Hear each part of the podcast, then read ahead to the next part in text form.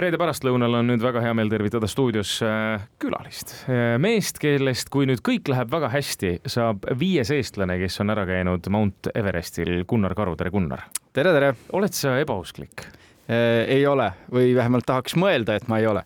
ehk siis ma ei tea, kui palju alpinistide puhul on see oluline, et sellest, ma ei tea, ei tohi ette rääkida või ära sõnuda või no see on pigem eestlaslik isegi, et, et ärme räägi, äkki läheb kehvasti. jah, et ega see teinekord võib-olla sihuke ette muretsemine väga kasuks ei tule, aga mina olen kuidagi endaga hetkel äh, nii palju rahu saanud vähemalt, et äh, närv on rahulik, teen treeningrindel kõik, mida õnnestub, siis ühel ilusal hetkel tuleb hakata asju pakkima ja see asjade pakkimine hakkab suhteliselt varsti kätte jõudma ja ega, ega siis ei olegi muud kui tuleb minna, proovida hõreda õhuga sõbraks saada, seejärel natuke puhata ja pöidlad pihku võtta ja loota, et eh, ilmataat annab ilusa ilmaakna ja, ja siis äkki nii-öelda lähebki õnneks. no seal on palju asju, mis peavad õnnestuma, me jõuame kindlasti selle juurde ka, aga lähme kuskile natukene ajas tagasi. mis hetkel sul peas hakkas idanema see mõte, et ma tahan minna Mount Everestile või on see igal alpinistil peas? Tead, ma arvan, et see on äh, igal äh, alpinistil, hullem veel, võib-olla isegi igal matkajal mm. peas, et äh, see võib-olla algab kuskilt siukse väikse mõttena, et mis oleks, kui mina väike kunagi tulevikus ühel ilusal päeval, aga paljudel saab see mõte ikkagi ka väga selgelt suuremaks mõtteks ja ja on ju maailmas ka väga populaarne ronida erinevaid kontinentide kõrgemaid tippe ja kellel juba need mõtted peas, eks nemad varem või hiljem komistavad ka tõsisema plaani otsa, et ikkagi tuleks ka Mount Everesti suunas vaadata ja ja minul ta kunagi oli peas, siis ta oli küll täiesti sihuke utoopiline mõte, et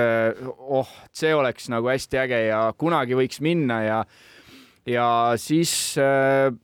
oli selline natuke tõsisem mõte ka, ütleme niisugune kümmekond aastat tagasi, kui ma mõtlesin, et võiks sajanda tipuna ronida Everesti otsa mm. -hmm. see mõte jäi õnneks katki, sel samal kevadel oli väga halb aasta ka Everestil ja oli ju siis maavärina aasta ja minu reis äh, Everesti asemel läks hoopis äh, Kanaaridele teidele, nii oluliselt et lühem, oluliselt lühem, oluliselt madalam, oluliselt soojem, oluliselt lihtsam ja peale seda kuidagi kadus ka Everest äh, täitsa aastateks ära, et mm. ta nimekirjast ei ole kuhugi kadunud. aeg-ajalt ikka vaatasid talle otsa, aga ta ei olnud niisugune väga tõsine, tõsine projekt ja ja viimastel aastatel olen võib-olla natuke rohkem äh, sattunud Lõuna-Ameerikasse ronima ja ja seal Lõuna-Ameerikas olles on kuidagi, kui oled äh, kõrgemal mäetipus, oled suhteliselt üksi vaatad siukseid avaraid vaateid, siis sealt kuidagi on tulnud tagasi see Everesti mõte. Ja nüüd äh, võib-olla sihuke aasta tagasi, siis äh, kuidagi tuli see nii-öelda tõsise paberi ja pitsati vormis, et äh, nüüd tuleb siia alla kirjutada, et kas nüüd või nüüd ja ega kui juba tõsisem plaan tuleb, siis ega, ega sealt nagu tagasipööramise võimalust enam ei ole, nii et sihuke võib-olla aasta tagasi uuesti tõsiselt päevakorras ja, ja nüüd siis äh, on asi nii kaugel, et äh, tuleb hakata kotti pakkima. kas ma saan õigesti aru, ma olen lugenud kuskilt või ka kuulnud seda, et alpinistid ikka ütlevad, et küsimus ei ole kunagi noh, kes on tõesti no, alpinist, kes on mägesid võtnud sadu ja sadu, et küsimus ei ole Everesti puhul kunagi selles, et kas äh, seda võimalik on tippu võtta, küsimus on rahas väga sageli, sest see on lihtsalt paganama kallis. ma olen näinud summas viiskümmend tuhat kuni sada tuhat dollarit. jah, sinu kurvastuseks ma pean ütlema, et hinnalagi on ka teisel pool kahtesadat juba lükatud. inflatsioon on juba jah ja? inflatsioon ja ütleme nii, et äh, tänapäeva inimesed on äh, mugavamaks läinud ja mm. ja tõesti täna siuksed tippekspeditsioonid, kus sul on äh, omad tippšerpad kaasas,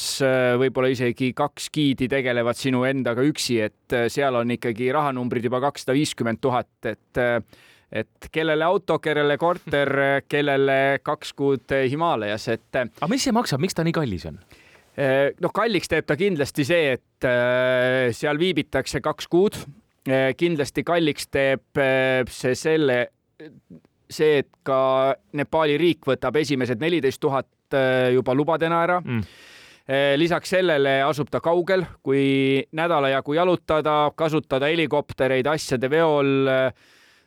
kasutada palju tugiteenuseid, eh, luua endale sinna mugav infrastruktuur, eh, kasutada maailma parimate ronijate abi, et et see kõik ühel hetkel lihtsalt kuludena lisandub suur-suur kuhi ja kindlustused, kõik see sinna juurde, et, et see kulude nimekiri on päris nagu röögatu, mis sinna tuleb teha ja, ja eks mis seal salata, et need, kes ikkagi tahavad äh, võib-olla ronida kogu aasta vältel äh, rohkem, siis nende jaoks väljaminek äh, on see viiskümmend, kuuskümmend või sada tuhat, et seal numbris ei olegi nii palju vahet, et lihtsalt seda raha ei ole, et, et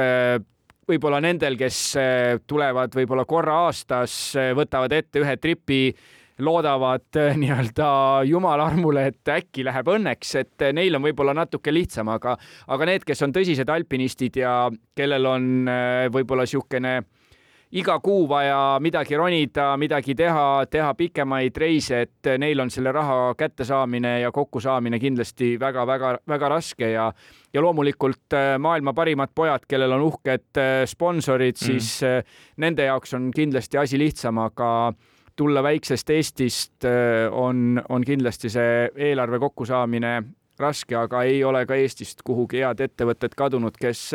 kes tunnevad, et äh, siuksed äh, väiksed võidud on väiksele Eestile olulised ja, ja nemad siis ka sinna on valmis õla alla panema. ehk siis tegelikult, kui see ei õnnestu ja see, ma saan aru, õnnel on väga suur osa selles, kas jõuad tippu või ei jõua, siis see raha on lihtsalt läinud, ega seda nüüd, no sa ei lähe järgmisel päeval uuesti seda kuskilt, ma ei tea, kokku koguma ja uuesti katsetama. Äh, midagi ei ole teha, et Everesti tippu jõudmine eeldab seda, et väga paljud asjad langevad kokku, et sul on hea ilmaaken,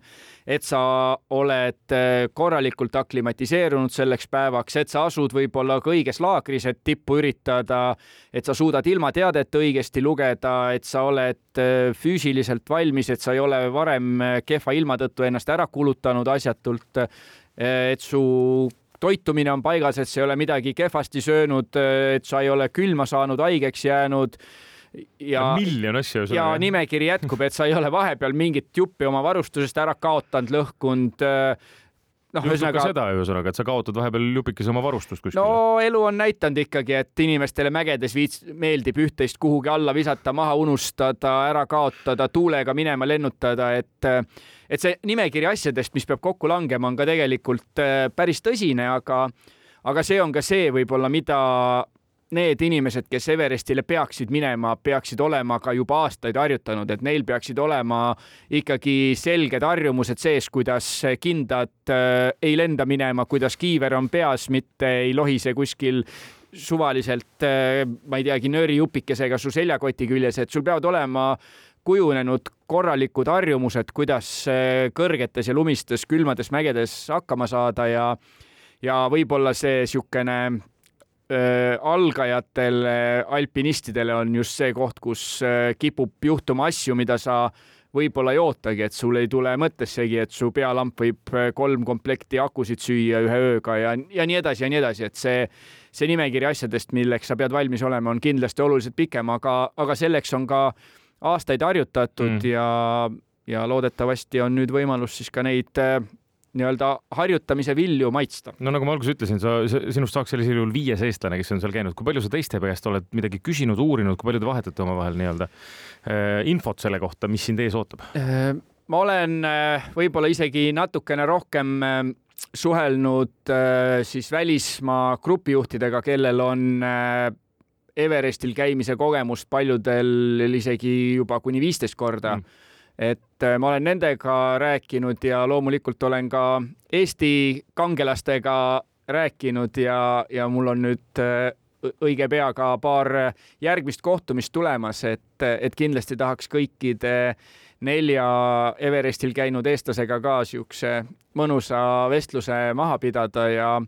ja mul on plaanis siis ka Everestile kaasa võtta lipp, kus siis kõik kõik äh, varasemad Everestil käinud äh, saavad siis oma väikse autogrammi kaasa anda, nii et äh, loodetavasti see on midagi, mis toob ka head õnne, nii et rääkides siis sellest samast ebausust, millest me alustasime. Kuidas see on, ma lugesin, see kaks kuud kestab, miks ta kaks kuud kestab?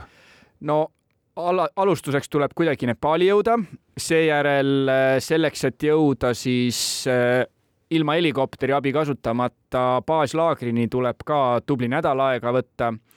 ja seejärel siis tuleb ikkagi hakata ülevalpool viite tuhandet meetrit hõreda õhuga kohanema ja kuna seal kõige viimane laager on ikkagi peaaegu kaheksa tuhande meetri peal, siis aega kulub päris palju, et erinevaid laagreid külastada, et järk-järgult siis hõredama õhuga harjuda. Ja sinna need päevad lähevad. Vaikselt ülesse, tagasi alla, natuke ülespoole, tagasi alla, et see aklimatiseerumine võtab aega, lõpuks tuleb ka natuke puhata, siis tuleb ka ilmaakent oodata ja kõige lõpus siis tuleb ka tagasi välja jalutada, et et alguses võib-olla see kaks kuud tundub niisuguse pika ajana, aga kui seal kohapeal oled, siis tõenäoliselt need päevad lendavad nii kiirelt, et äh, vaatad kalendrit ja mõtled, et nüüd palun kähku ilmaakent, et muidu juba hakka kotti pakkima ja tagasi koju minema, et, et need päevad kaovad kiirelt ja kuna Everest on ikkagi peaaegu üheksa kilomeetrit äh, kõrge, siis äh, selleks, et sinna kaheksa tuhandeni ööbima jõuda, siis selleks paraku kulub aega et.... jah, see on see, et jaluta ise kümme kilomeetrit, eks ole, aga seda veel nagu vertikaalis. natuke ülespoole ka veel ja ja tõesti, et õhku, õhku on seal paganama vähe. hapnikuga või hapnikuta, oled sa mõelnud selle peale lisahapniku osas? Äh, jah, et äh, mu esimene plaan on minna ilma hapnikuta, aga klausel on selgelt see, et ma võtan kõik vajalikku selleks kaasa, et hapnikku hingata ja, ja ma ei tunne ennast mitte grammigi halvemini ronides, kui ma hingan hapnikku, nii et ma ei ole nii kõrgel käinud ja. mis su kõige kõrgem on? kõige kõrgem on pisut üle seitsme tuhande, et ma olen seal seitsme tuhande piiri peal päris mitmed korrad käinud, aga kaheksa tuhandelist ma ei ole ennem roninud ja mis seal salata, üheksa tuhat on peaaegu see number, mida me nüüd sihime, et et kõik hapniku poole pealt kindlasti saab kaasa võetud ja väiksed varud ka valmis pandud. aga alustaks ja prooviks kõigepealt ilma ja, ja siis vaatame edasi, et et ma arvan, et niimoodi on võib-olla ka iseenda ja kogu grupi jaoks kõige turvalisem lahendus, et et nii me sinna läheme ja, ja eks näis, kuidas me sinna tippu jõuame niimoodi. no ma kujutan ette, et meil kuulajate jaoks ka, ma loodan vähemalt, et väga paljud on näinud sellist filmi nagu Everest või noh, et meie lähim kokkupuude nii-öelda mittealpinistidena ongi seda kusagilt ekraanilt vaadates. kas ma saan aru, et kõige ohtlikum on ikkagi alla tulles, mitte üles minnes? jah, et äh, paraku paraku alla tulles hakkavad äh, kohtuma väsimus, hakkavad kohtuma need hetked, kus äh, hapnikku on võib-olla liiga pikalt, äh, liiga palju hingatud ja hapnik hakkab otsa saama ja ja kui seda hapnikku võib-olla ka liiga vara hakata hingama, siis on aklimatisatsioon oluliselt kehvem mm. mis tähendab jällegi seda, et keha on nõrgem ja kui nüüd peaks hapnik otsa saama, siis sealt nagu välja jalutada võib väga keeruline olla ja mis seal salata, üks hetk hakkab ka see kaks kuud tunda andma, et äh, sul kehas peab olema ikkagi väga palju energiat, et need äh, tipupäevad vastu pidada, et äh, tipus olles kohtume me ka niisuguse asjaga, et me ei saa enam söögist kätte energiat, et seedimisele kulub rohkem, kui sealt tagasi on võimalik saada, nii et söömine üleval jääb ka katki, et tasu, tarbitakse lihtsalt vedelikku ja ja loodetakse siis ja kasutatakse siis äh, olemasolevat energiat. Äh, üles minnes sa ikka sööd midagi siis? ja, ja loomulikult. aga mis sa sööd, mis, mis sa võtad kaasa? Äh, no minu, minu kotis on mõned meekeelid, mida ma loodan konsumeerida, siis mul on väga energiarikas spordijook ja siis mul on mõned kodumaised lemmikmaiustused, mis peaksid küll nagu igal juhul suu nii-öelda sobilikud ja magusad olema, et et süsivesikud ikka peamiselt, sul on energiat vaja. ja sul on vaja lihtsalt energiat ja loomulikult äh, põhienergia peab sul olema ikkagi ennem äh, endas kaasas sisse söödud ja, ja siis nii-öelda mõned äh, energiarikkad tooted lihtsalt, et natukene veel niisugust lisahoogu saada, aga, aga paljud tulevad tagasi sihuke seitse, kaheksa, isegi kaksteist kilo kergemana, nii et ma olen juba vaikselt äh, ka S-number püksid endale valmis varunud. ma ütleks, et sul on juba praegu need S-number püksid tõenäoliselt et äh, tagasitulek võib olla jah, sihuke viiekümne viie kilo juures, et, äh, et seal kulub tõesti palju energiat ja see kalorikulu, mis on isegi ülemistes laagrites lihtsalt pikutades on kordades suurem kui see, kui siinsamas Eestis trenni minna, nii et et äh, kalorid kuluvad, energia kulub, äh, seda tuleb tagasi süüa ja baaslaagris puhates siis äh, ma kujutan ette, et mitte kolm, vaid neli söögikorda ja, ja nii ta läheb, et, et energiat kulub palju. Gunnar, kas sul sõrmed ja varbad on kõik alles? kõik sõrmed ja varbad on alles ja ja ma loodan, et nad on alles ka siis, kui ma Everestilt tulen, nii et kõik, kõikvõimalikud kõige soojemad tooted ja varustuse osad on igal juhul valmis varutud ja ootavad siis Everestile minekut ja, ja kui mu käest sõbrad just küsisid, et Gunnar, et eks sul kunagi villega on, et sa alati mm., sa alati nagu paikad teisi, aga endal sul justkui ei ole, et kas see päriselt nii ongi ja, ja tõepoolest see nii ka on olnud, et ma mäletan, et mu viimane vill oli kaheksandas klassis, kui ma ootamatult panin äh, ülikonna kingadele niidist äh, mustad sokid, mille päritolumaa oli väga kahtlane, nii et peale seda ma enam selliseid vigasid ei ole teinud, et ka ülikonna kingaga matkasokk ja tõesti, Ville, ei kunagi. füsioloogiline eripära või see on lihtsalt tarkus, mida sa kasutad, anna meile ka seda tarkust. Äh, ma arvan, et seal on äh, natukene tarkust, et äh, võib-olla sihuke kõige odavam kaheeurone niidisokk ei ole hea, et tänapäevased matkasokid on tõesti ülimugavad ja hoolitsevad, hoolitsevad väga jalgade eest ja, ja võib-olla teine on ka seesama tunnetus, et kui vanasti räägiti saabaste sissekandmisest ja jalanõude sissekandmisest, siis tänased jalanõud äh, on nii palju jäigad, et seal kahe nädala pärast ei muutu mitte midagi, et kui poes ei ole sada kümme protsenti paras ja mugav, siis ega ta paremaks ei lähe ka, nii et tuleb lihtsalt valida endale ka jalanõud, mis kohe algusest on mugavad ja ja ausalt öeldes äh, ma kujutan ette, et kui mu jalgadele peaksid villid tulema, siis ma tõenäoliselt pillin nagu väike preili, nagu öeldakse, aga aga on kindlasti võimalik ilma villideta matkata ja ronida ja,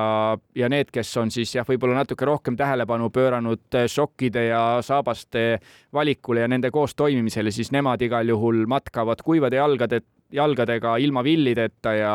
ja naudivad tõesti seda, et, et see on ka võib-olla üks asi, mis on äärmiselt oluline, kui, kui ronida lumes kaljudel ja, ja väga heitlikes ilmaoludes teinekord. aga sa kõrgmäestikuhaigust oled kogenud ikka, ei ole? ma olen seda kogenud, aga tõesti äh, mitte nii kurjal moel, kui see haigus äh, võib äh, esile tulla, et äh, et ma olen Nepaalis ronides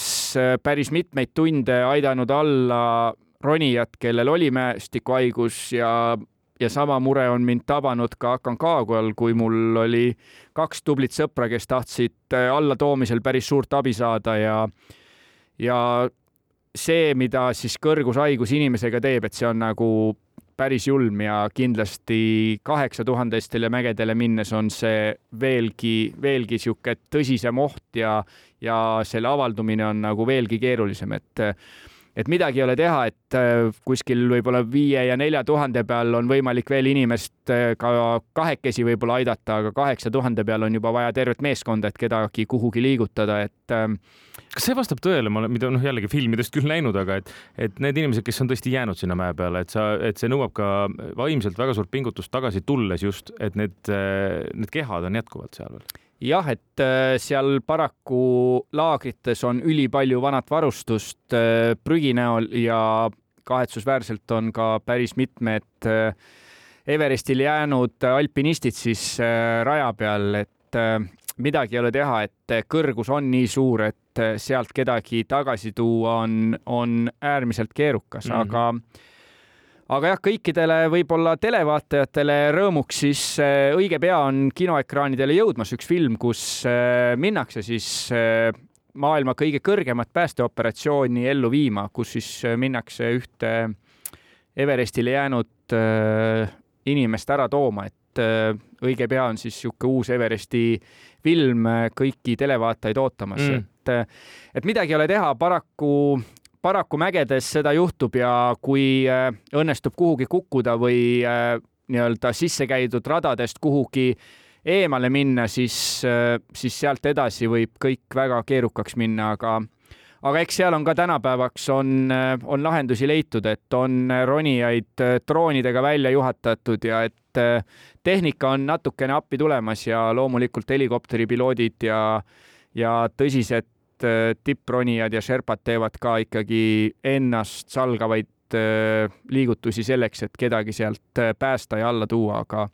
aga kindlasti kõike seda aitab olulisel määral vähendada see, kui aklimatt on korralik ja kui otsused, mida sa langetad mäes, on ikkagi kaalutletud ja põhjendatud otsused, et et seal on vaja kogemust ja mida rohkem on sul kogemust ja mida rohkem sa kuulad võib-olla neid, kellel on rohkem kogemust, seda, seda suurema tõenäosusega tuled sa sealt ka alla omal jalal kümne käe, nii-öelda kümne käe sõrme ja kümne varbaga ja loomulikult koos naeratusega, et et minu üks eesmärkidest on ka ikkagi tipu poole minna koos naeratusega ja sellises olekus, et ma ikkagi saan aru, mis ma teen ja tahaks ka nautida seda kogu protsessi, nautida ka võib-olla neid viimaseid ikoonilisi vaateid, mis siis viimastel meetritel tulevad ja ja kui kõik hästi läheb, siis,